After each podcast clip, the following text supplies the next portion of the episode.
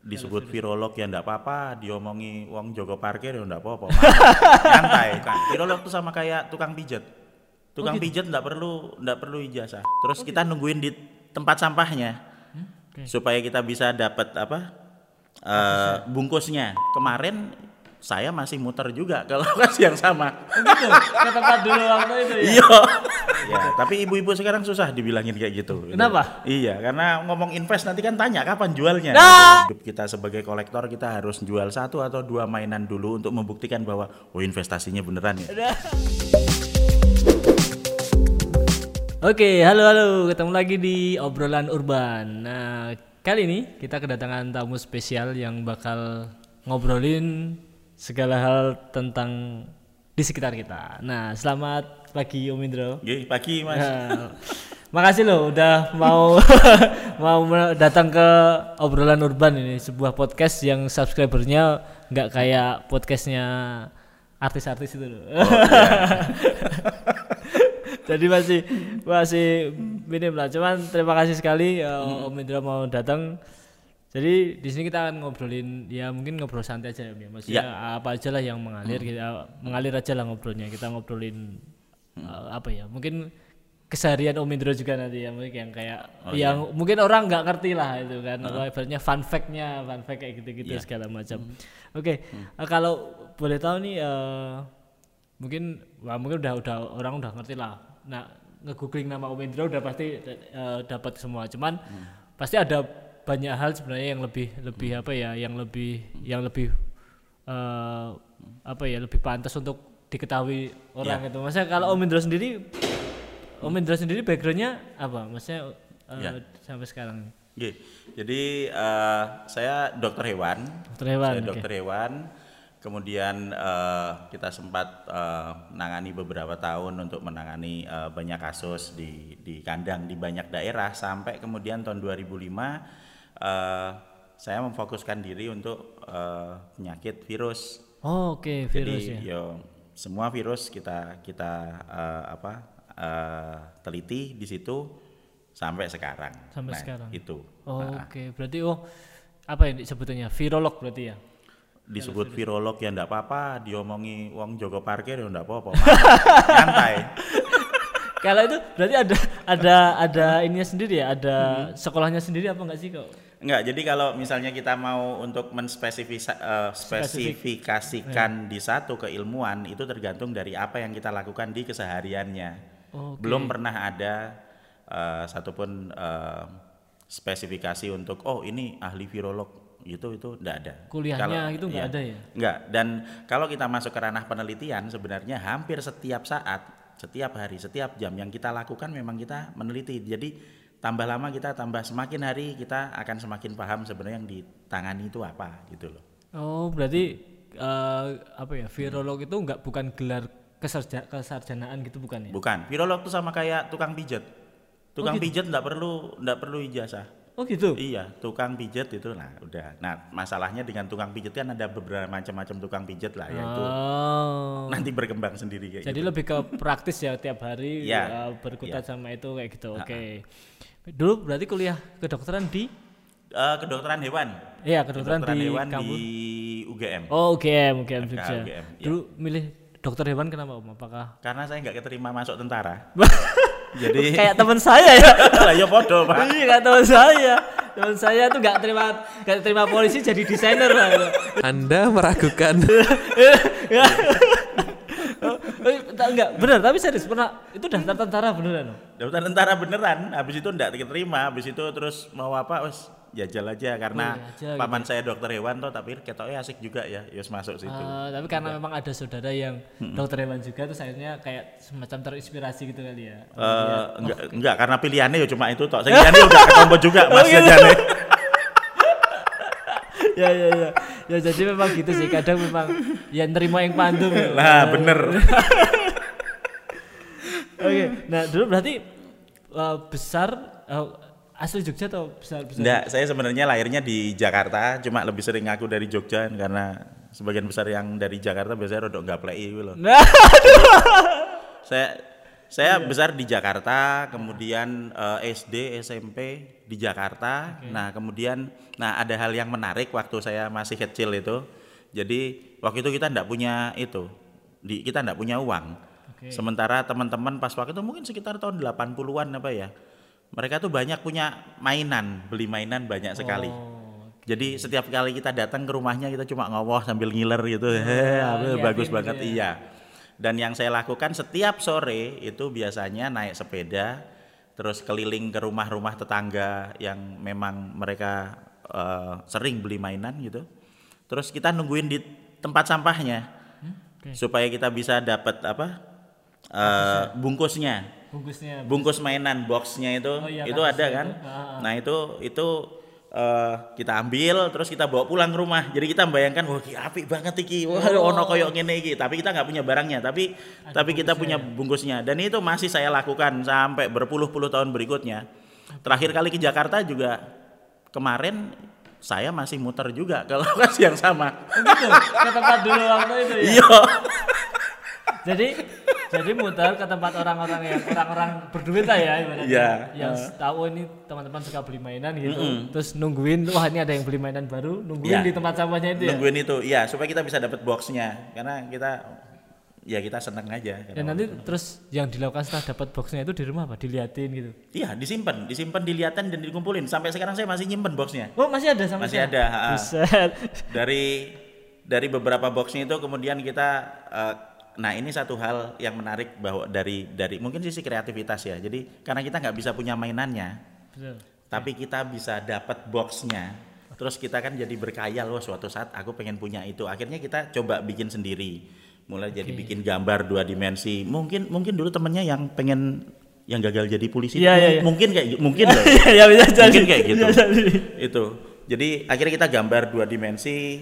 Terus wah kita punya karakter yang bagus. Lama-lama kita mencoba untuk bikin kayak semacam papercraft, Oh, papercraft papercraft, dari ya. dulu tuh. Ah, Ah, ah, betul, bikin betul. dan berlanjut sampai seterusnya. Nah, sesudah ya itu selalu jadi obsesi sebenarnya. Ah, oke berarti berarti tadi mulai dari kecil berarti memang koleksi mainan ya sampai sekarang ya. Iya, sampai sekarang koleksi mainan. Oke. Nah, koleksi mainan kayak apa kan sekarang banyak tuh kalau kita lihat di depan kita kan ada ini kan uh, Transformer ya, ada Iya. dari Tomica, ada yang Iya. Hasbro kayak gitu-gitu kan.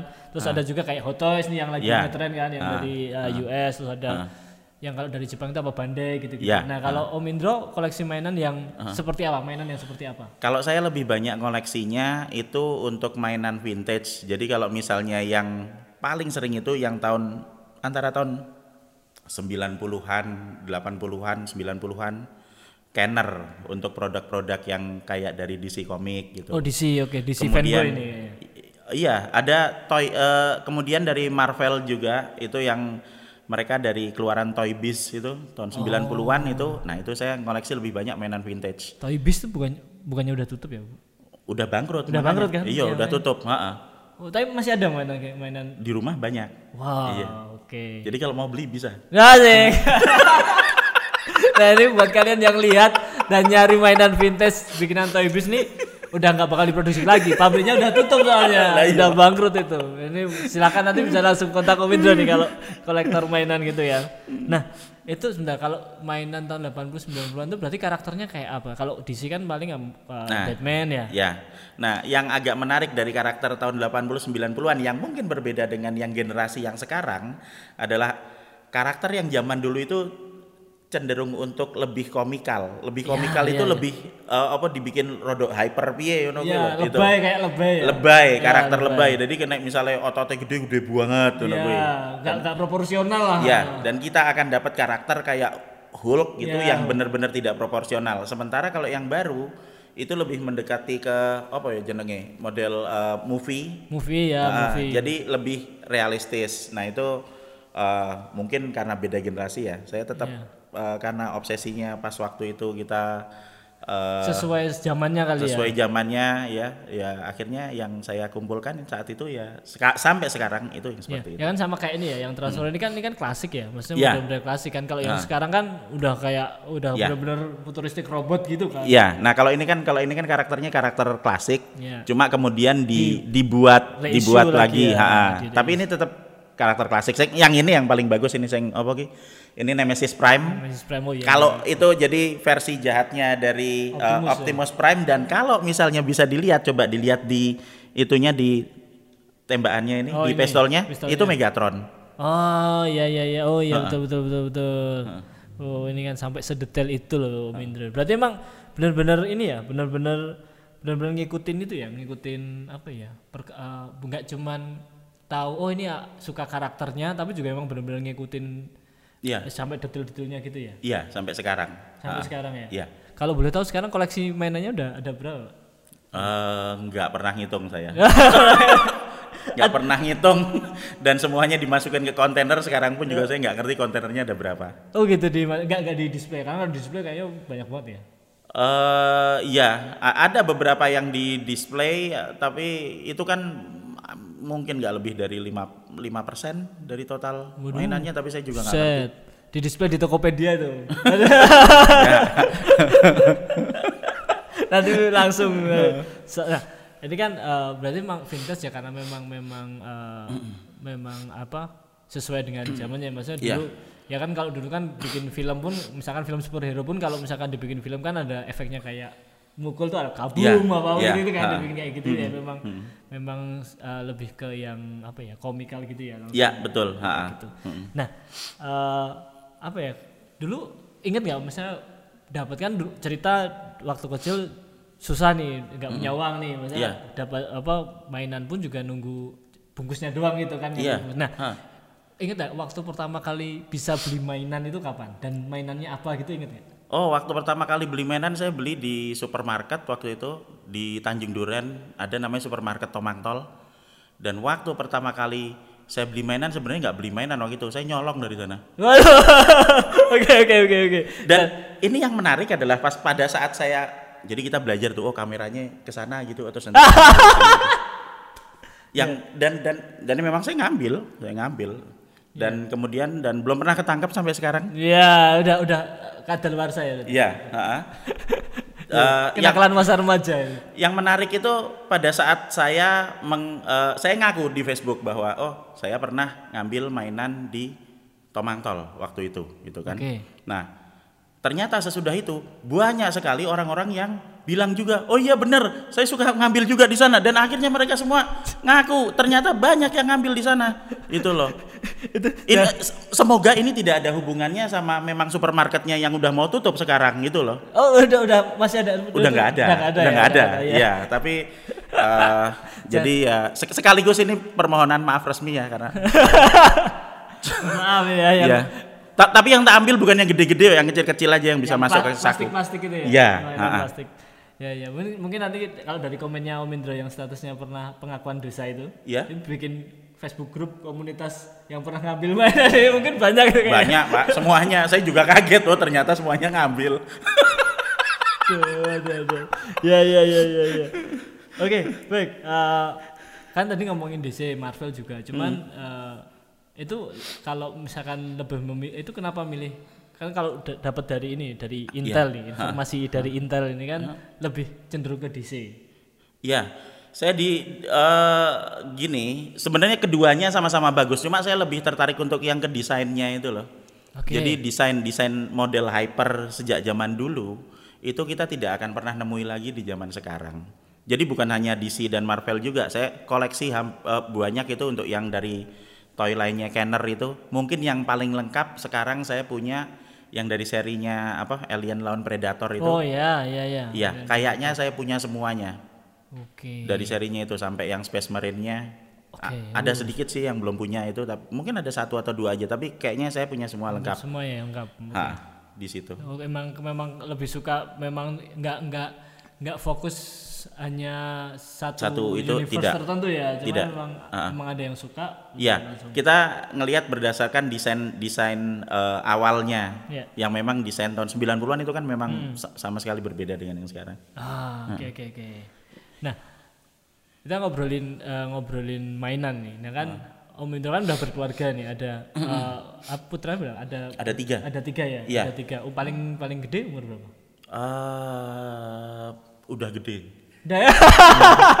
Karena oh, pertanyaan tidak ter, tidak termakan pertanyaan jebakan ini kayaknya. tidak termakan. Oke. Nah, hobi ini ini enggak menurun ke anaknya enggak? Eh, iya, yang pertama iya mereka mereka eh, sorry anak saya yang pertama dia suka eh, koleksi mainan juga, tapi dia lebih ke lini eh, Transformers. Dulu dia pakai dia Gundam.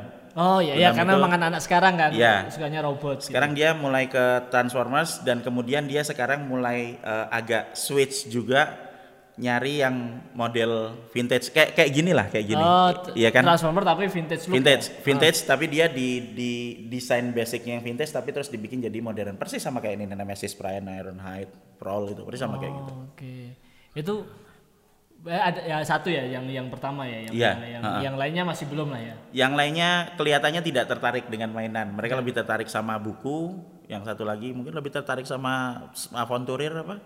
Oh, traveling ya. Iya. Traveling oke. Nah, itu terus gimana? Masa apakah misalnya nih ada yang uh, Om Indro senang mainan terus ada anaknya yang senang mainan itu ada nggak apa sering hunting mainan bareng gitu-gitu atau Iya, kita sering sering hunting mainan bareng. Maksudnya kalau hunting fisik gitu ya kita Nah. datang ke toy fair atau apa itu sementara kalau atau kita sama-sama nyari di eh, apa searching bareng uh, googling searching iya ya, di mainan-mainan gitu ya. Ha. Tapi memang karena karena apa ya seleranya beda jadi lebih ini ya nggak rebutan mainan ya. oh enggak enggak juga maksudnya eh, sering kali kita diskusi mengenai oh ini barang bagus atau tidak kita review kemudian oke. ini ini nilainya seberapa seberapa seberapa value-nya seberapa Value-nya besar seberapa, gitu oke, kayak ya. ah, ah. Oke iya iya. Nah ini ngomongin masalah value nih, pas banget kan kalau sekarang kan eh, apa ya orang-orang juga pada beli mainan kayak gini tuh dengan dengan dengan dalih investasi nih. Ini bisa Iya. buat invest. Nah Iya. menurut Om, Indro gimana? Ya kalau misalnya ada yang bisa berpikir logis invest itu ya bagus. Cuma kalau saya cuma memenuhi nafsu aja. Sebenarnya gitu kan? Iya. ta- tapi kalau ada orang tanya ya saya bilang invest sebenarnya sih.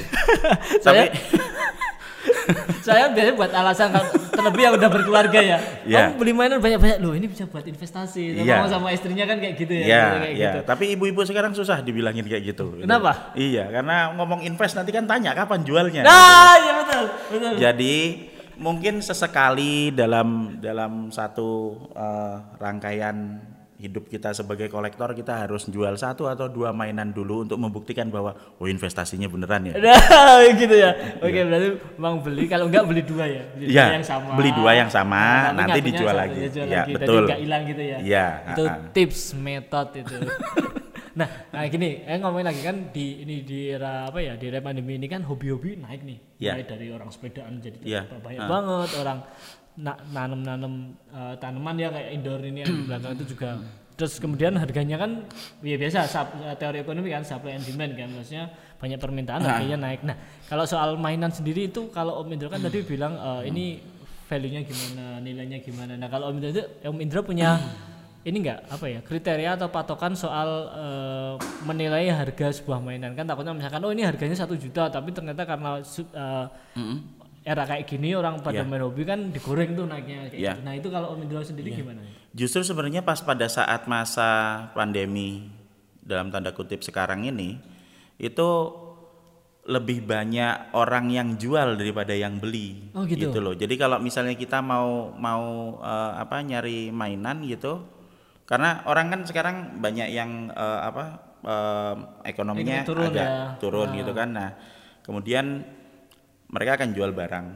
Yang paling awal dijual kalau dari kawan-kawan biasanya eh, mainan gitu loh. Oh, oke. Lah kita karena mereka jual butuh biasanya harganya juga nggak terlalu tinggi gitu Ah, loh. Nah oke, itu oke. kalau misalnya berpikir oh oke kita mau beli ya ya dibeli. Kemudian nanti kita bisa nyimpan nanti kapan Jual kita gitu bisa ya. jual lagi. Oke. Sedangkan kalau yang dari eh, mainan yang vintage bener itu itu yang Hmm. paling bagus kita nyari itu ke ini apa eh toko-toko barang bekas gitu. Oke, barkas itu barkas toko gitu barang ya. bekas atau mungkin ke ada satu eh, apa eh, page gitu di Facebook itu kayak asongan mainan misalnya Hmm. itu harganya murah di dikurang dari 100.000 ribu kita bisa ngelihat dengan jelas nanti oh ini kira-kira bagus atau tidak kita beli kita bersihkan, dicuci dulu, ya kan, kasih desinfektan, ya kan. Oke, Ya, pakai sekalian iya. Oh, dicuci Cuci dulu tangan, sesudah itu dibersihkan terus nanti kita eh, bisa beli eh, apa di eh, toko perkakas itu namanya gugon. Gogon orang-orang bilangnya. Jadi itu kayak semacam eh, apa eh, minyak gitu yang kalau dipakai itu pelan-pelan gitu nanti bisa untuk bersihkan noda-noda yang ada di mainannya. Oh, Oke. sesudah kita dapat bersih itu harganya akan naik. Baik ya. dan kita bisa kalau agak sabar misalnya oh satu toy line nih Ninja Turtle misalnya Oke. oh ada empat toh Ya. nah kita bisa nyicil tuh beli satu-satu dibersihin satu-satu dibersihin kalau udah lengkap empat-empatnya dan bersih itu harganya jauh-jauh lebih tinggi ya Tinggi. Oke oke, itu nice itu. Nah ini ini mungkin pertanyaan agak nggak tahu nih. Mungkin kalau mau dijawab boleh, nggak Hmm. Ya. dijawab juga nggak apa-apa. Nah kan eh, Om Indro sama anaknya kan yang pertama Mm-mm. senang koleksi mainan nih. Iya. Nah itu biasanya kalau di rumah ini biasanya kan saya saya juga kolek, kolektor mainan ya. Iya, Saya ha. juga eh, lebih ke kayak apa sih Kamen Rider kalau saya iya, yang, ha, yang, yang la- lama yang vintage juga. Iya, Cuman, ha. nah biasanya kan kalau di rumah itu kalau beli mainan itu kan pasti ada ya kayak hidup lah. Pasti ada yang pro dan kontra. Nah Iya. kalau di rumah kan biasanya yang kontra kan istri om. Iya. Nah itu pernah ada kejadian apa ya? Yang tidak terlupakan nggak antara wah ini beli mainan terus tidur luar gitu kayak gitu. Iya, ha. Itu pernah kejadian kayak gitu nggak? Apakah tiap hari, Pak. Iya. Tiap hari ya. Iya. Makanya eh, jadi kalau kita mau mencoba untuk koleksi mainan, kalau yang aman ya, kalau mau yang aman. Nah, ini nih, Nah, tips kita nih, kita kita bisa mulai milih dari yang murah-murah dulu, jangan yang mahal-mahal. Jangan jangan beli yang barang baru, cari barang yang bekas dulu. Sesudah kita punya apa? Ada spare ya kan ada yang untuk kebutuhan Eh, khusus, dapur lah ya, ada dapur, ada ada yang- spare itu itu. Eh, pastikan dulu kebutuhan di rumah terpenuhi Terpenuhi, Oke. baru beli gitu loh. Oke. Kalau misalnya nggak bisa, ya jangan sampai ketahuan. Nah, bukan jangan beli tahu jangan sampai Iya. ketahuan. Alamatkan ke kantor gitu ya atau ke Ya, sekolah gitu. misalnya gitu. Eh, dikasih namanya diganti itu Namanya bisa. diganti, misalnya. oke, ya. Nah, nanti eh, ada masanya juga kita tidak selalu hanya em, ribut mengenai masalah mainan, karena kadang-kadang mainan itu juga bisa dipakai untuk menyelamatkan hidup kita juga. Oh, gimana itu? Jadi pernah pas waktu kita nggak punya uang gitu, nah akhirnya mainannya saya jual kembali keluar. Saya waktu itu pernah jual, nah ini ini Millennium Falcon, Wah, ini agak sedih nih. ya. Millennium Falcon Legacy, ya toh. Wah, ini agak sedih nih, ini sedih nih ini Millennium Falcon. Itu saya jual dulu harganya sekitar 5 juta. Oke. Saya belinya dulu di Australia itu sekitar 200 dolar, 2 juta setengah. Terus saya jual 5 juta, kemudian minggu depannya ada teman saya lagi yang bilang, itu udah dijual di sana 8 juta itu. Sekarang mungkin sekitar antara 12 13 juta. Buset. Itu itu tahun berapa, Om? Jual uh, jualnya. Jual itu mungkin sekitar tahun 2017 apa ya? Belum lama dong. Iya. Lu naiknya luar biasa. ya. Tiga Iya. tahun. Ka- karena barangnya memang nggak ada. Barangnya jadi kalau kita mau lihat menilai mainan kita, kita Iya. cari dari seberapa langka barangnya. Oke. Nah, kita bisa ngelihat uh, ukurannya. Kita lihat aja ke situ ke uh, eBay atau mungkin kita lihat ke Tokopedia itu harganya berapa. Nah, itu kita cocokkan. Oh. Nah, nanti kita jadi ngerti oh kira-kira barang seperti ini gitu. Oh, oke berarti memang ya memang tergantung jenis barangnya juga ya, yang Iya. rare gitu ya. Cuman memang rata-rata kalau vintage memang eh, jarang turun juga sih kayaknya ya.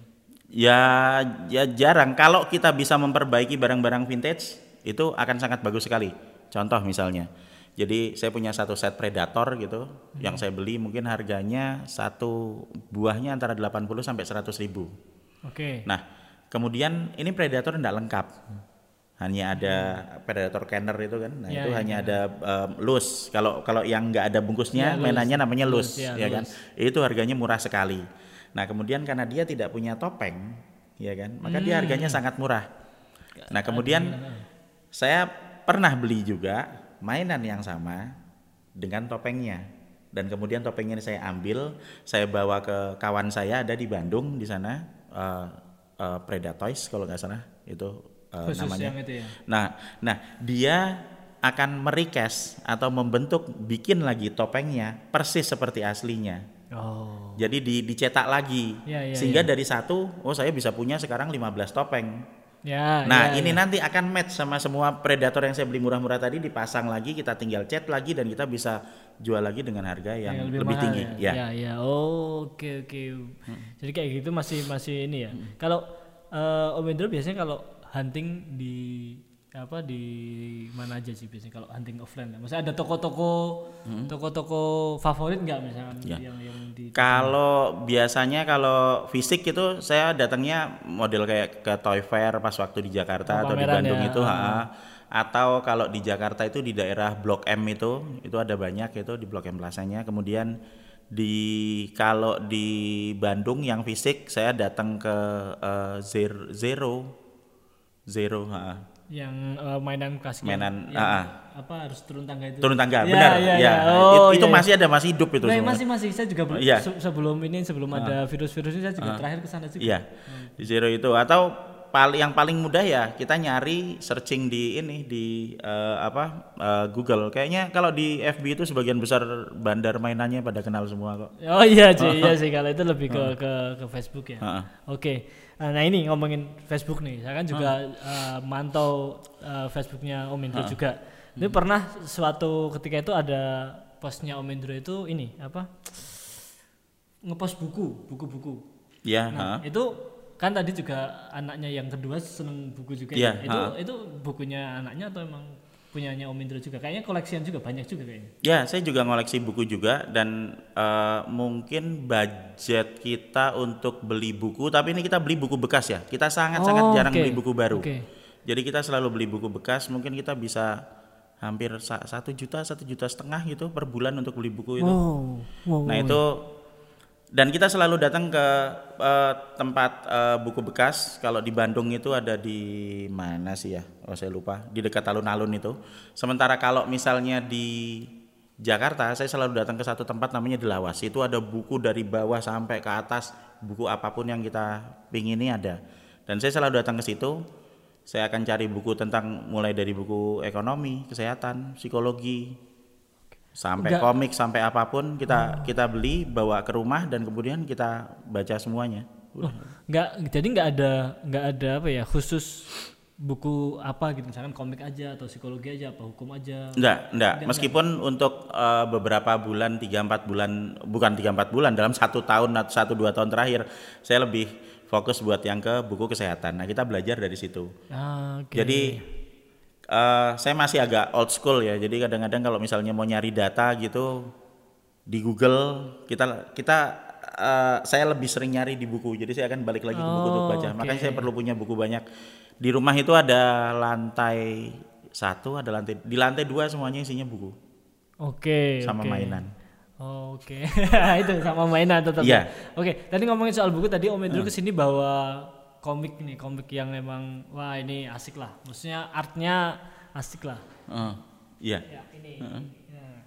ini ini ya ini Oh. Master of ini He-Man nih kalau kalian tahu. Wah, nggak- anak milenial kayaknya nggak nggak tahu ya ini ya. He-Man ini lawas banget sih. Heeh. nah ini ini kan kayaknya emang ini cetakan tahun 8 85. 85 ya? Iya. 85 ini ini emang su- suka ini. Masa apakah saya pikir tadi oh ngelengkapin mainan terus beli komiknya juga gitu?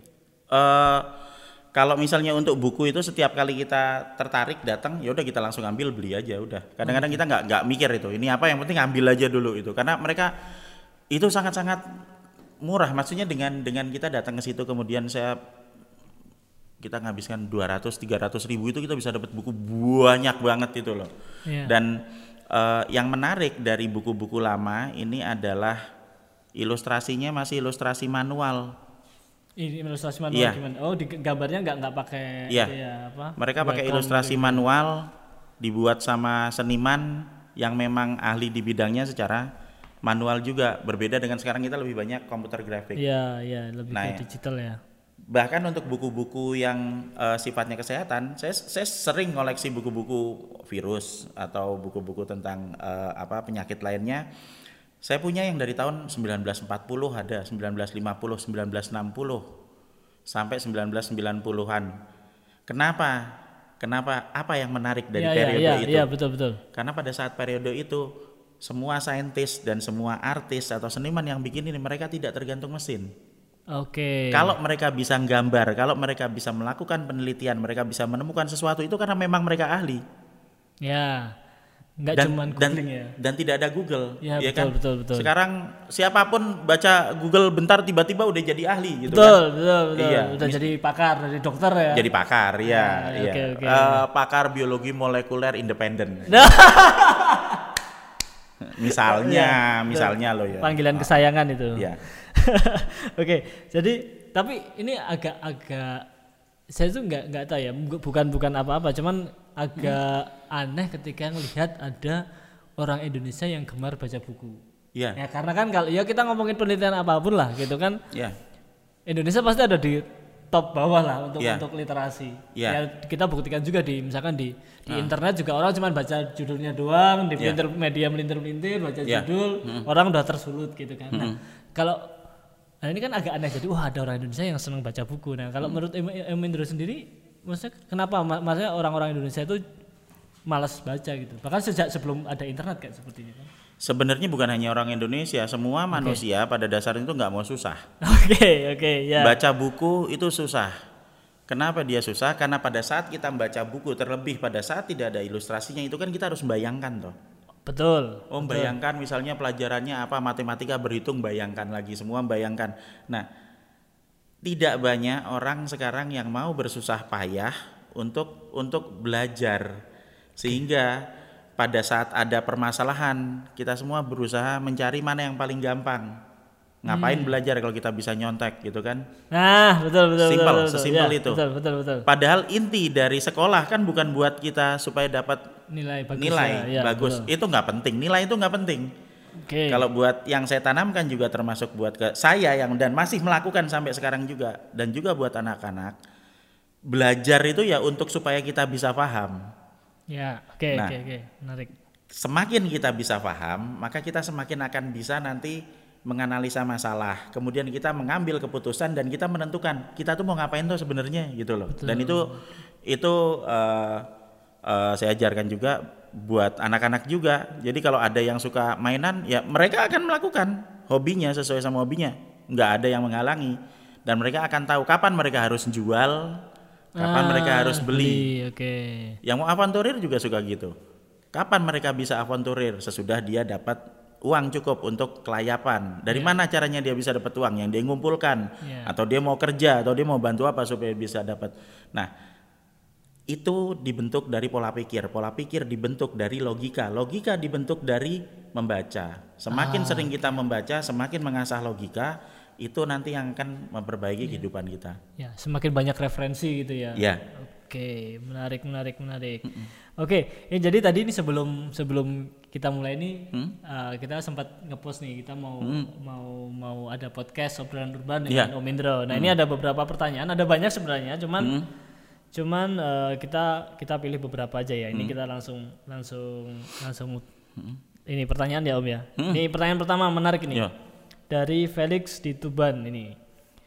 Halo, saya tahu Om Indro karena viral kemarin bareng Mbak Luna Maya. Nah, Ya. ini viral banget memang. Terus saya tahu Om juga koleksi mainan. Nah, ini pertanyaannya, terus saya lihat di komen banyak yang semakin meragukan kemampuan Om Indro karena dianggap kekanaan masih beli mainan. Lah, Iya.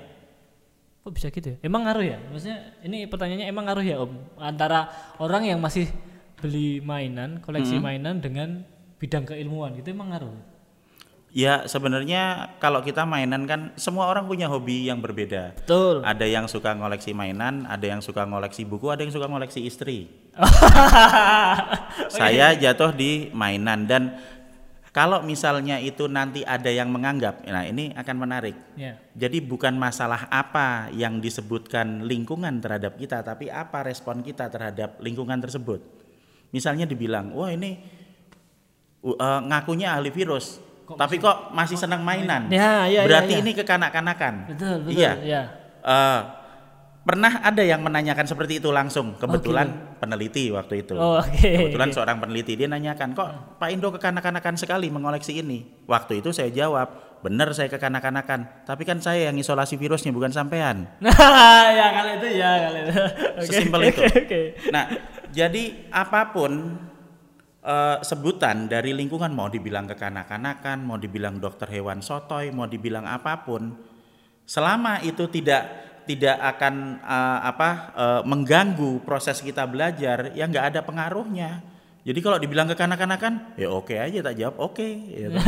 dijawab dokter Iwan Sotoy tak kayak jempol loro ting kenapa karena diberi label apa pun tidak akan membuat saya jadi goblok kok Ya, ya. saya tetap belajar saya tetap ngoleksi mainan juga ya kan Ya, ya. Yang paling masalah adalah pada saat kita mau ngoleksi gimana caranya kita ngoleksi mainan yang mahal tapi nggak ketahuan Nah, Nah, itu, itu masalah, jadi itu. masalah. Itu nanti mungkin akan ada apa itu pakar apa ya? Kalau ahli virus kan virologi. Nah, kalau itu apa ini ya kan?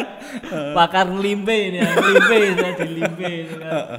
Nanti bakal ada pakarnya sendiri itu. Tapi ya maksudnya kalau itu mainan banyak juga orang-orang yang memang orang-orang yang pinter juga banyak kolek- kolektor-kolektor juga banyak sih mulai mainan kartu kayak gitu-gitu kan. Iya. Nah koleksi mainannya nggak nggak nggak menunjukkan kita pinter atau tidak itu cuman cuman Iya, masalah itu- hobi itu saja. sepeda ada Iya. yang hobi sepeda Ah. gitu. Dan lagian Iya. sekarang mainan-mainan collectible kan ada tulisannya ini bukan mainan, this is not just Iya. toys. Nah itu ah ini buat mainan ya. Saya bahkan pas, pada saat saya masih kuliah dulu, semua orang yang koleksi mainan selalu direndahkan sama orang. Oh gitu. Karena dianggap, oh ini kayak anak kecil, Kekanak-kanakan ya? kekanak-kanakan itu loh.